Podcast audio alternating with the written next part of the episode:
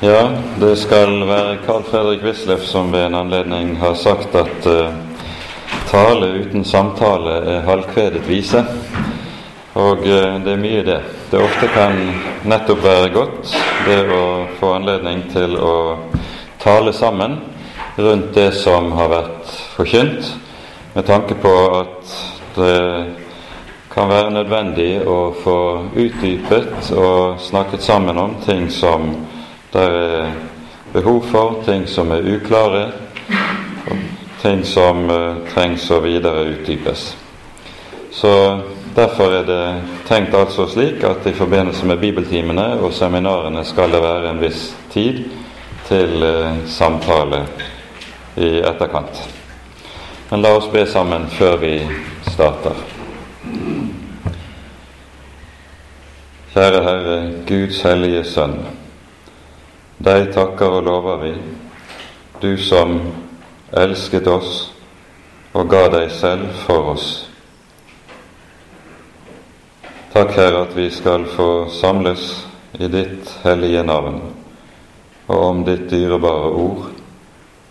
Og vi ber deg, Herre, send nå din Hellige Ånd, og vær til stede, at vi også må forstå ordet ditt rett.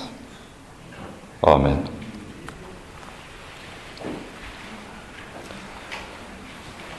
I eh, første Korinterbrev, i de innledende kapitler, taler apostelen om evangelieforkynnelsen og hva det er som eh, kjennetegner denne, til forskjell fra denne verdens visdom. Og eh, vi hører det sies i kapittel to, og da leser vi fra vers 6 til vers 9 følgende.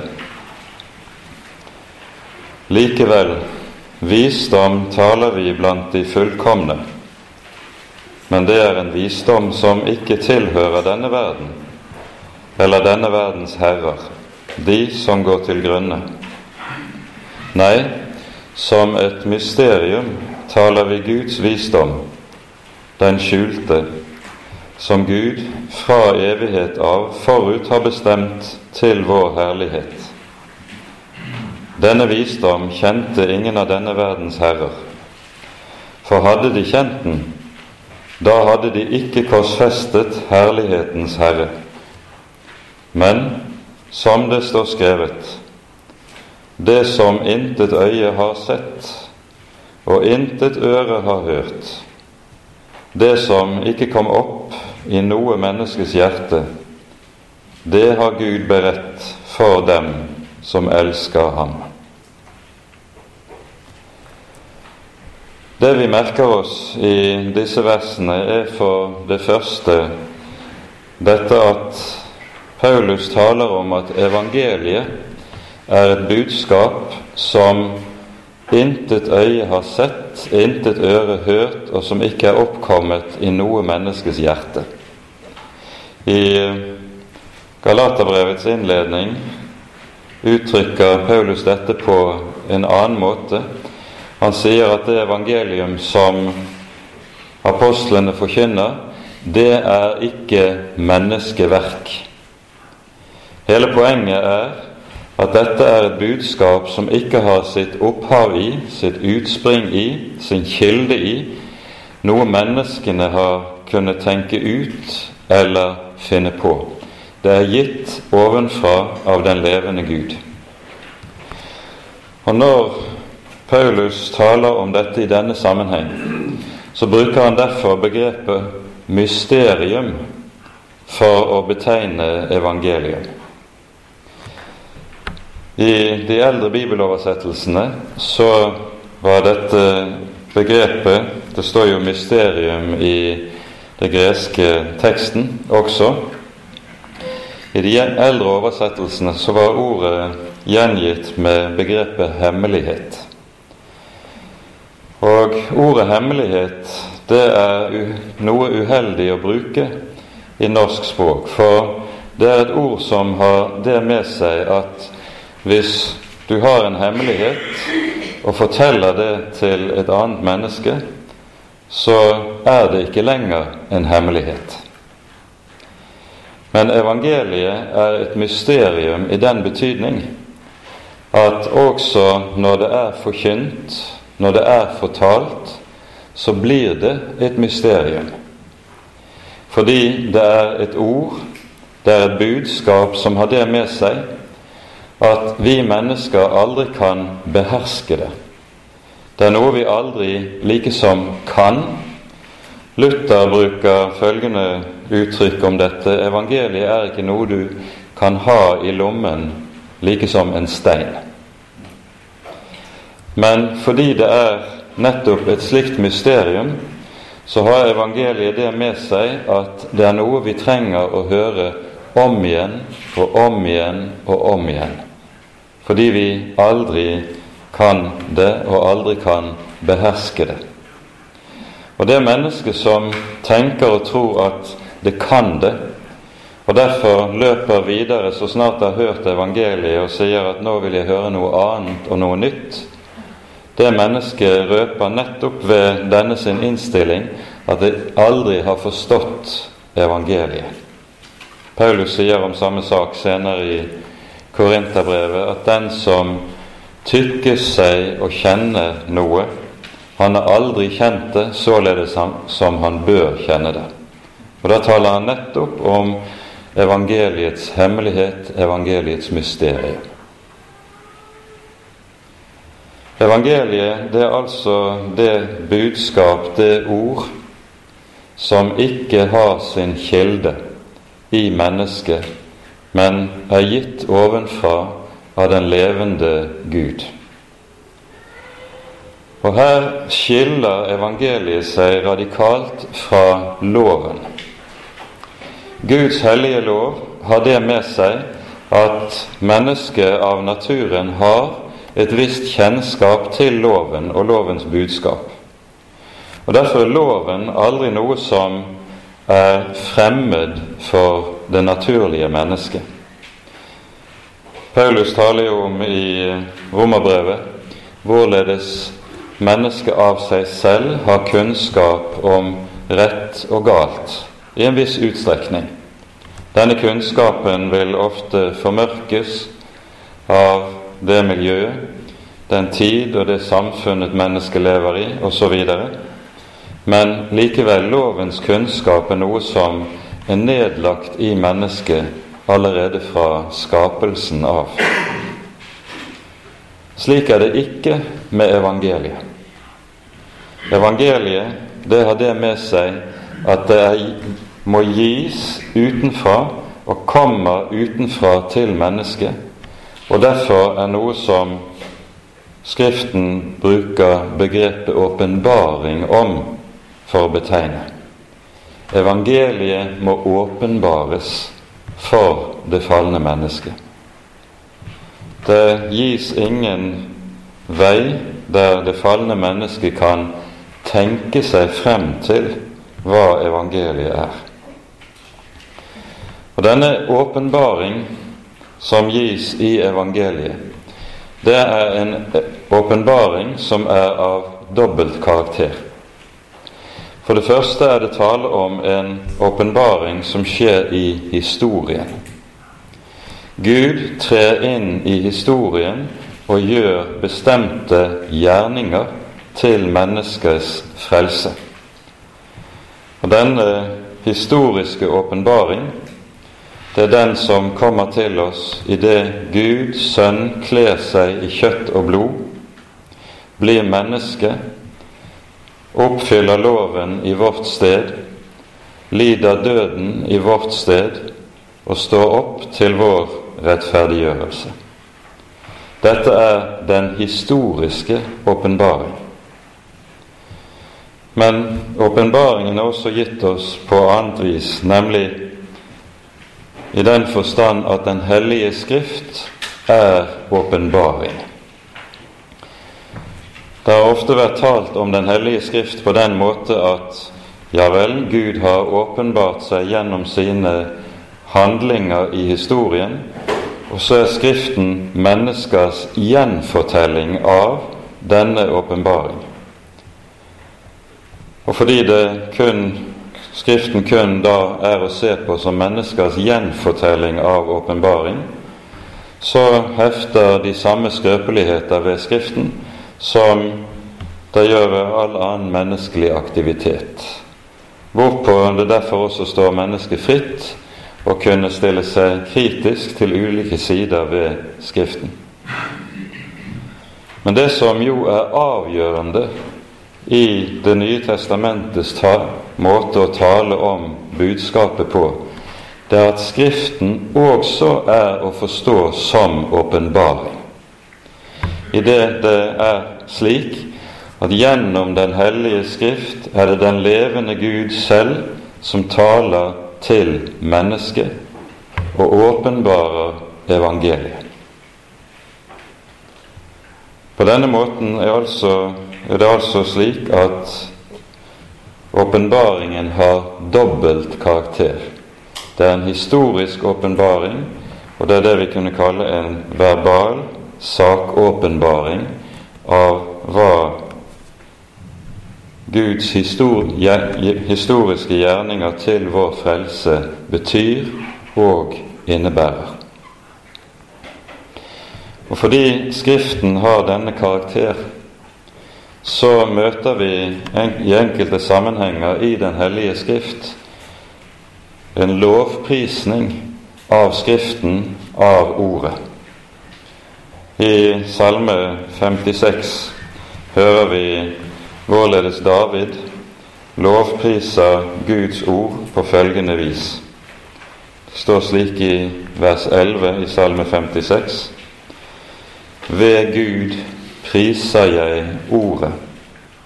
Ved Herren priser jeg Ordet. Vi ville tenke at det naturlige ville være at det sto på motsatt vis. Ved ordet priser jeg Gud. Ved Herren priser jeg Ved ordet priser jeg Herren. Men her sies det altså på motsatt vis. Ved Gud priser jeg Ordet. Og I Salme 138 hører vi David si følgende i vers 2.: Du har gjort ditt ord herlig mer enn alt ditt navn. Det er uhyre sterke ord om Den hellige Skrift og Den hellige Skrifts rolle og betydning.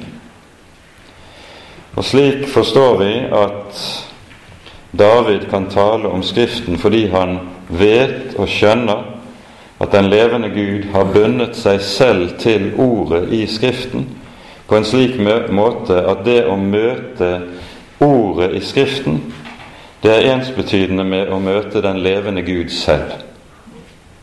I den forstand er Skriften åpenbaring.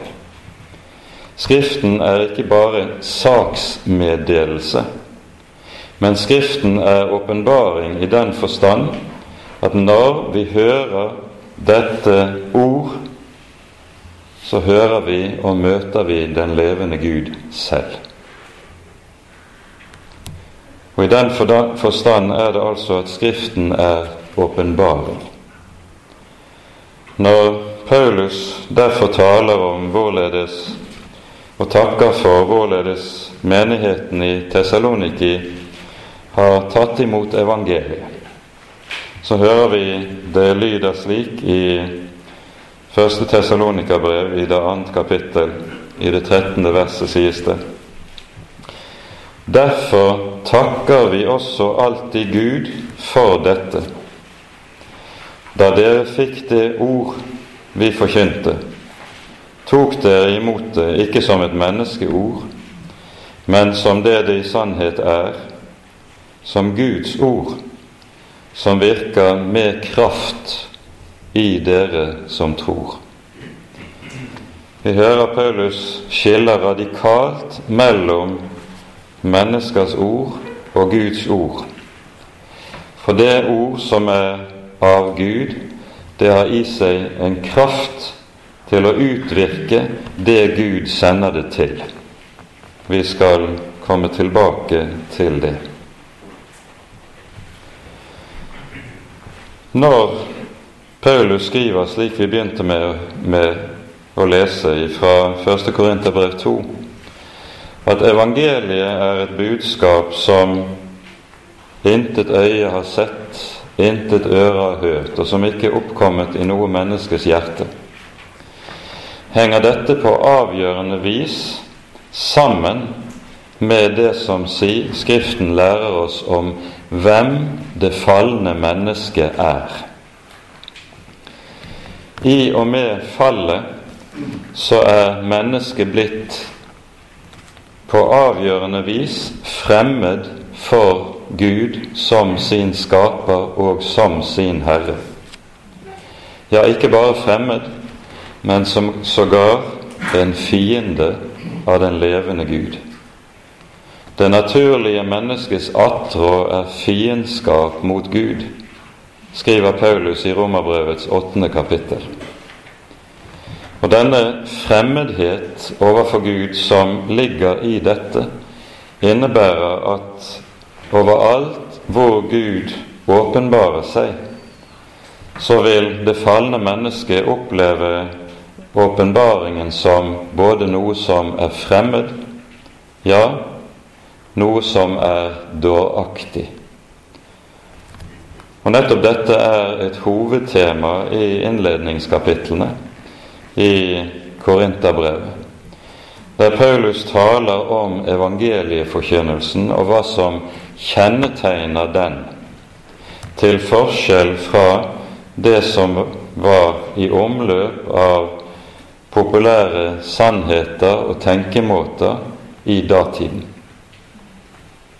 Korset, ordet om korset, er en dårskap, sier Paulus. Når Paulus tar opp dette i eh, Korinterbrevets innledning, så er antagelig bakgrunnen for dette det som vi forstår er noe av problemet i menigheten i Korint. I kapittel 3 i første Korinterbrev hører vi hvorledes Paulus taler om den kjødelige åndelighet som kjennetegner korinterne. En kjødelig kristendom som har det med seg at Paulus slett ikke anfekter eller betviler at korinterne er blitt Guds barn og er levende troende. Men de er fortsatt så åndelig umodne at de Paulus må si om dem at de er kjødelige midt i sin, all sin kristne aktivitet og engasjement. Og Denne kjødelighet den har fått korinterne til å mene at, om Paulus at hans forkynnelse er altfor rå og altfor grov. Hvis Paulus bare hadde kunnet forkynne evangeliet på en litt annerledes måte, da ville han kunne kommunisere med sin samtids mennesker. Da ville det være langt lettere for mennesker å komme til tro og vende om i møte med evangeliet. Paulus, du kommuniserer ikke. Og så er det de anbefaler at Paulus skal bruke samtidens retoriske kunnskap og teori i sin evangelieforkynnelse og han skal bruke samtidens populærvitenskapelige språk for å kunne kommunisere. I møte med dette svarer Paulus ganske radikalt og tydelig følgende Min tale og min forkynnelse var ikke med visdoms overtalende ord men med ånds og krafts bevis. Og så kommer det for at deres tro ikke skulle være grunnet på menneskelig visdom, men på Guds kraft.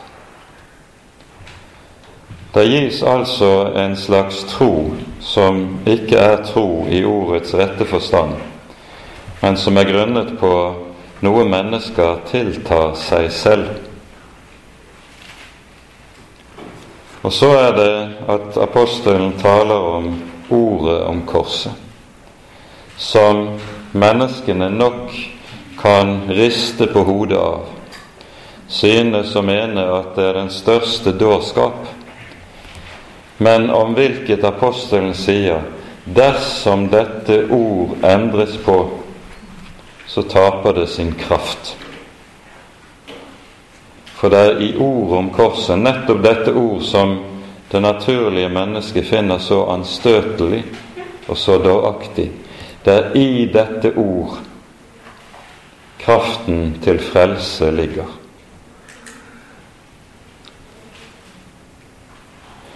Hva er det som er innholdet i dette ord?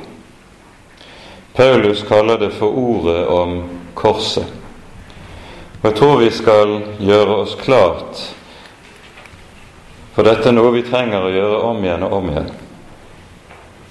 hva det er som kjennetegner sann og rett evangelieforkynnelse.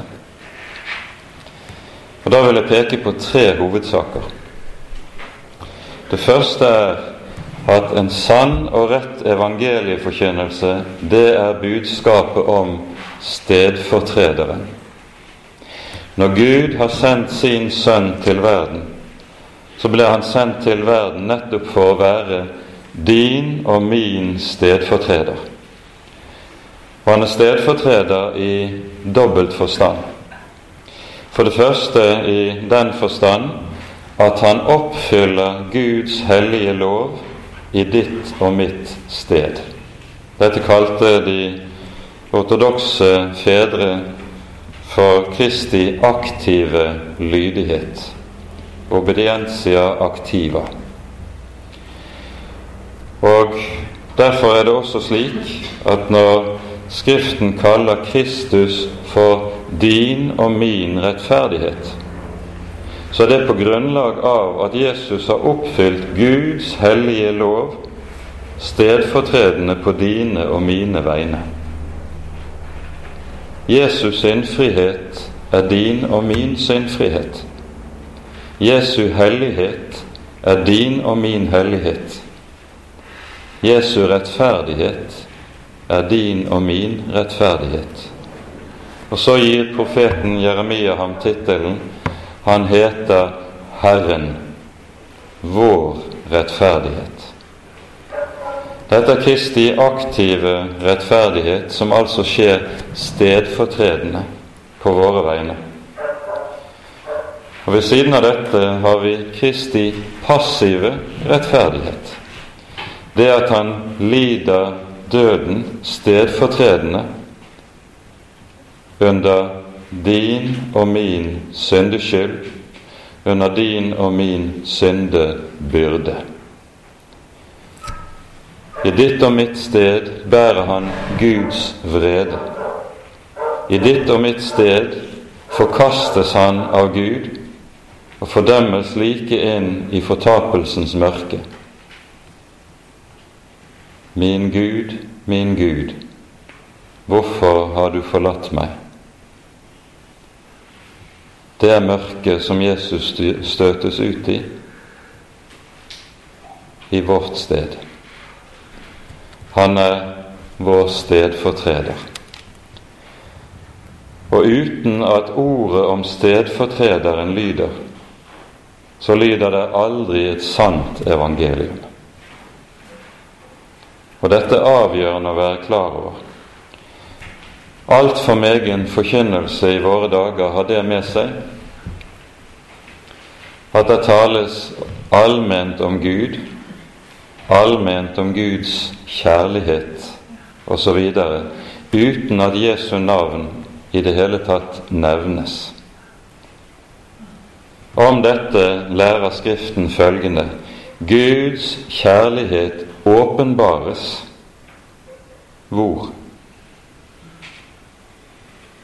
I det at Gud sendte sin sønn til soning for våre synder.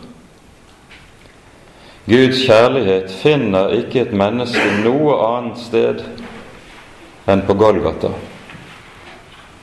Der åpenbares Guds kjærlighet, intet annet sted. og det blir allmennreligiøsitet å tale om Guds kjærlighet uten dette. Det annet som kjennetegner sann og levende evangelieforkynnelse, det er budskapet om at dette gjorde han for intet. Det gis og skjenkes oss for intet. Denne hovedsak er det apostelen Paulus underviser menigheten om i Romerbrevet og Galaterbrevet ganske særlig. I det det stadig er det naturlige menneskets tanke og fristelse at det er intet som gis for intet. Det er jo loven for alle ting i denne verden at skal du ha noe, så må du yte noe for å få det. Men underet i evangeliet er dette at vi gis og skjenkes hele Guds nåde for intet, uten å oppfylle loven, uten å oppfylle en eneste betingelse. Og så står disse to ord her ved siden av hverandre loven og evangeliet. Disse to ord kommer begge til oss med et løfte. Både loven og evangeliet lover oss evig liv. De lover oss Guds velsignelse, himmelen og saligheten. Men forskjellen på loven og evangeliet er den at loven sitt løfte kommer til oss med et vilkår. Den sier 'dersom du gjør det, skal du leve'. Dersom du gjør det, skal du få det. Det er hele tiden et 'dersom'. Evangeliet kommer til oss med et løfte som sier 'du får det for intet'. Det er intet dersom lenger. Fordi evangeliet peker på Guds sønn og sier han har oppfylt alle betingelser for at du skal bli salig. Han har oppfylt alle vilkår for at du skal få være et Guds barn og eie syndenes forlatelse. Deg skjenkes det fritt og forintet. Og Dermed er vi fremme ved det tredje som kjennetegner all sann evangelieforkynnelse. Det som Martin Luther kalte for budskapet om de køste. Hva min frelse kostet har. For om det enn er slik at du og jeg får denne gave for intet, så betyr ikke det at det er noe som er ingenting verd. For denne gave har kostet den levende Gud usigelig mye. Langt mer enn du og jeg noen gang vil være i stand til å gripe eller til å forstå. Gud ga sin egen sønn og betalte prisen, betalte prisen til fulle, så intet gjenstår. Har kostet Gud mye. Og her gjør vi vel i å tenke igjennom forskjellen på første og annen trosartikkel. Når Gud skaper i sin allmakt himmel og jord, og det lyder 'bli lys', og det ble lys, så koster dette Gud intet. Det koster ham ingen anstrengelse å skape universet i alt dets velde, i all dets herlighet. Han taler, og det skjer. Han byr, og det står der. Slik er det ikke med frelsen. Frelsen koster Gud alt. Det skaperverk som han har kalt frem på sin befaling, i dette skaperverket trer han inn. blir skapning, blir kjød, for å ta på seg hele skapningens skam, bære den med seg inn i døden, i mørket og i fortapelsen. Gud bærer alle omkostninger ved din og min frelse. Dette er et budskap som ikke er oppkommet i noe menneskes hjerte. Hvem kunne uttenke noe slikt? Men dette er evangeliet, som gis oss og skjenkes oss i Den hellige Skrift. Det er et budskap om Guds sønn. Det er et budskap som gjør som døperen Johannes gjorde det. Peker på Jesus og sier 'Se der' Guds lam, som bærer verdens synd. Det er et budskap som sier det som var umulig for loven, fordi den var maktesløs på grunn av kjødet, det gjorde Gud. Det er et budskap som diskvalifiserer all menneskets gjerning og anstrengelse, og peker på at dette som var umulig for mennesket, det fullbyrdet Gud i sin Sønn. Og når Paulus så taler om hvem Jesus er, og hva frelsen er, så peker han på Jesus og sier han er den som elsket meg og ga seg selv for meg. Det er underet. Det er mysteriet.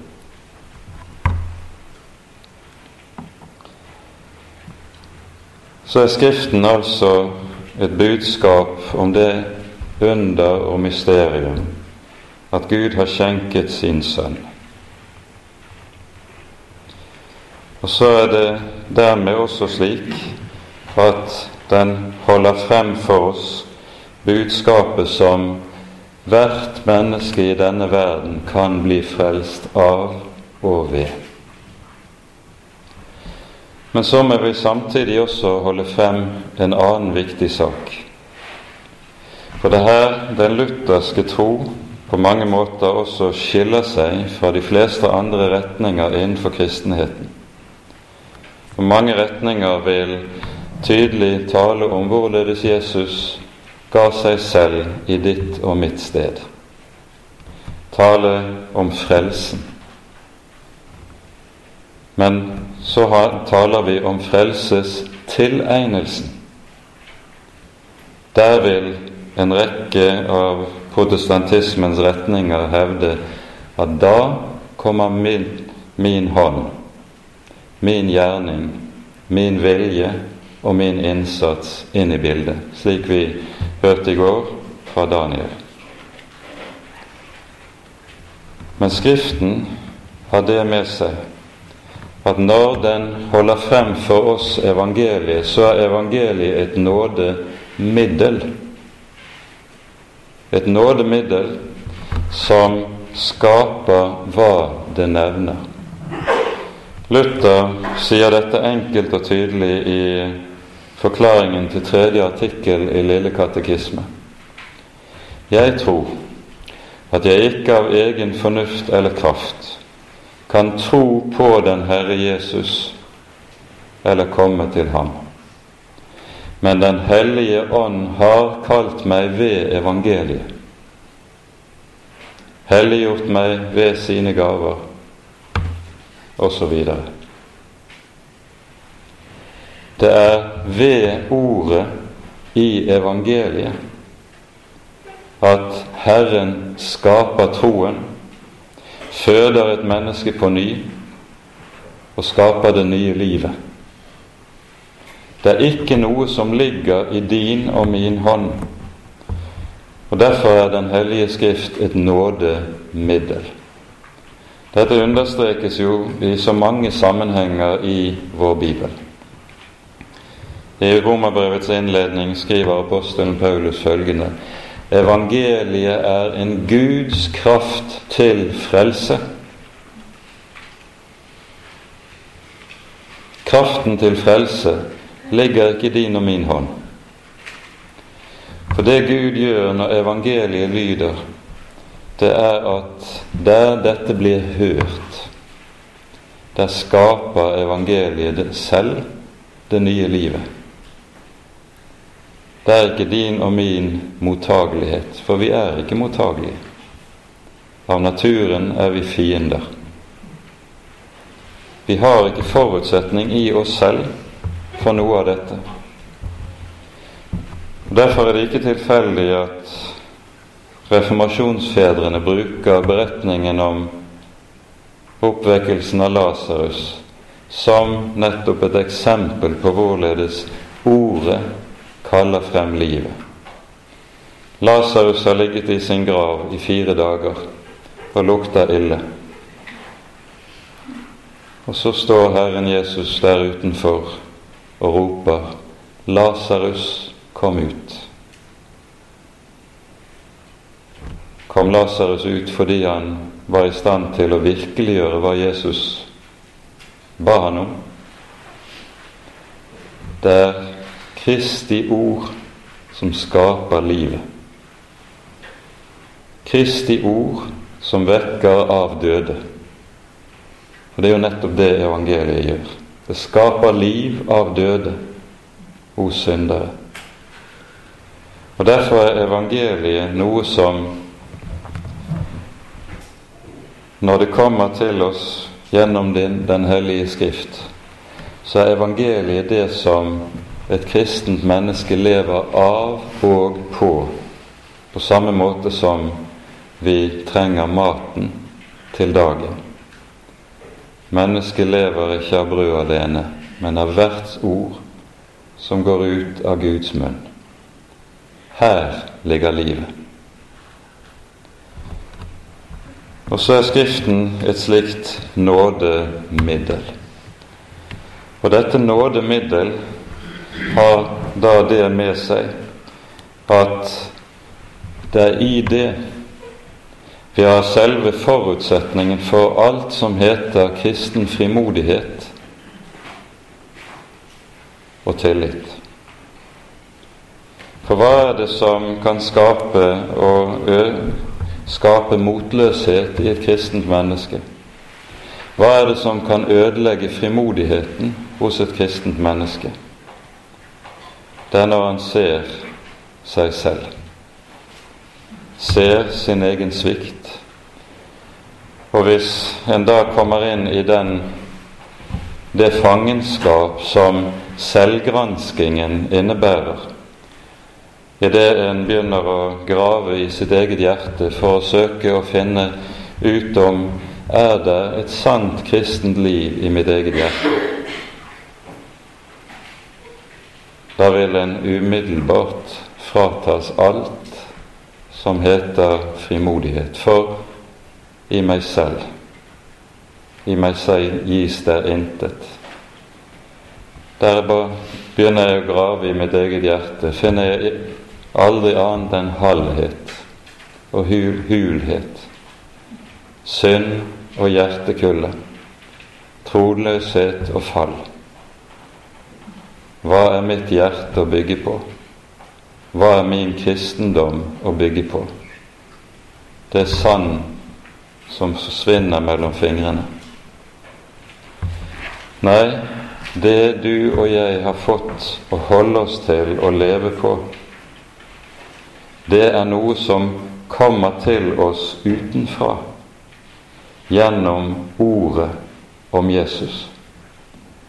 Og der jeg får lov til å høre dette ord, der kommer troen. Der kommer frimodigheten. Der kommer lyset og livet. For da får jeg lov til å feste blikket på noe utenfor meg selv, og ikke i mitt eget hjerte. Det hører med som en grunnleggende del av syndefallet at mennesket har den innbilning om seg selv at det skal ha noe i sitt eget hjerte å kunne leve på og bygge på. I de fleste andre verdensreligioner er dette nettopp noe av kjernen i saken. I indisk religion, f.eks., så taler man om det tredje øyet. Det tredje øyet sitter midt i pannen, og til forskjell fra våre to vanlige øyne, så er det slik at det tredje øyet ikke ser ut mot verden, men det ser innover. Det tredje øyet skuer innover fordi dypt inne i mitt eget hjerte er det jeg skal finne Gud, eller gnisten av noe guddommelig. Og Dette er også en stadig fristelse for kristne mennesker å begynne å skue innover i seg selv for om mulig å finne tegn på livet ovenfra der inne. Du finner det aldri. For du finner det ene og alene ved å feste blikket på noe som er gitt utenfor deg, noe som er gjort uavhengig av deg, og som skjenkes deg og gis deg gjennom forkynnelsen i evangeliet. Og Derfor er det også slik at frelsesvissheten, den spirer frem med frimodighet og glede der du får høre evangeliet om Jesus. Men den blir borte så snart du fester blikket på deg selv. Og den som blir frimodig gjennom å se på seg selv og sin egen kristendom, han er blitt en fariseer. Han er ingen kristen. Om dette taler apostelen Johannes i sitt første brev, i det femte kapittelet.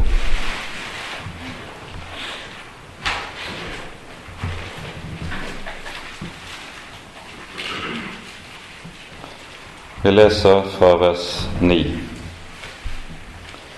Tar vi imot menneskers vitnesbyrd, så er Guds vitnesbyrd større, for dette er Guds vitnesbyrd, at Han har vitnet om sin Sønn. Den som tror på Guds sønn, har vitnesbyrdet i seg selv. Den som ikke tror, har gjort ham til en løgner, fordi han ikke har trodd det vitnesbyrd Gud har vitnet om sin sønn. Og dette er, det er vitnesbyrdet, at Gud har gitt oss evig liv. Og dette liv er i Hans Sønn. Den som har Sønnen, har livet. Den som ikke har Guds sønn, har ikke livet.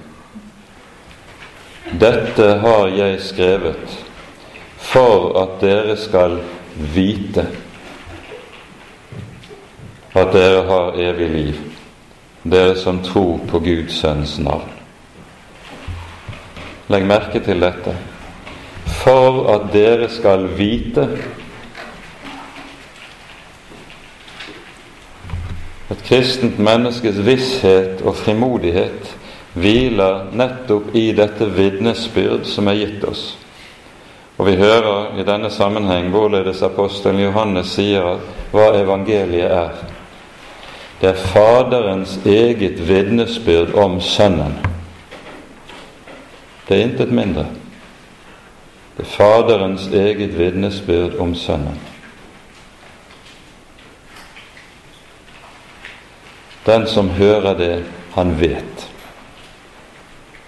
Han vet at han er et Guds barn. For ham er det ingen usikker sak, fordi han også er seg klart bevisst dette er noe som ikke er avhengig av meg og mitt. Det er noe som er avhengig av Guds egen sønn at det han har gjort, det holder og det bærer. Det holder i Guds egne øyne, slik at jeg kan vite at om intet av mitt holder eller bærer, så bærer det som Guds sønn har gjort. Det bærer i liv, det bærer i død, det holder i møte med den allmektige og hellige Guds dom. For det Jesus har gjort, det er fullkomment i Guds øyne. Og det Jesus har gjort, det gjelder i ditt og i mitt sted.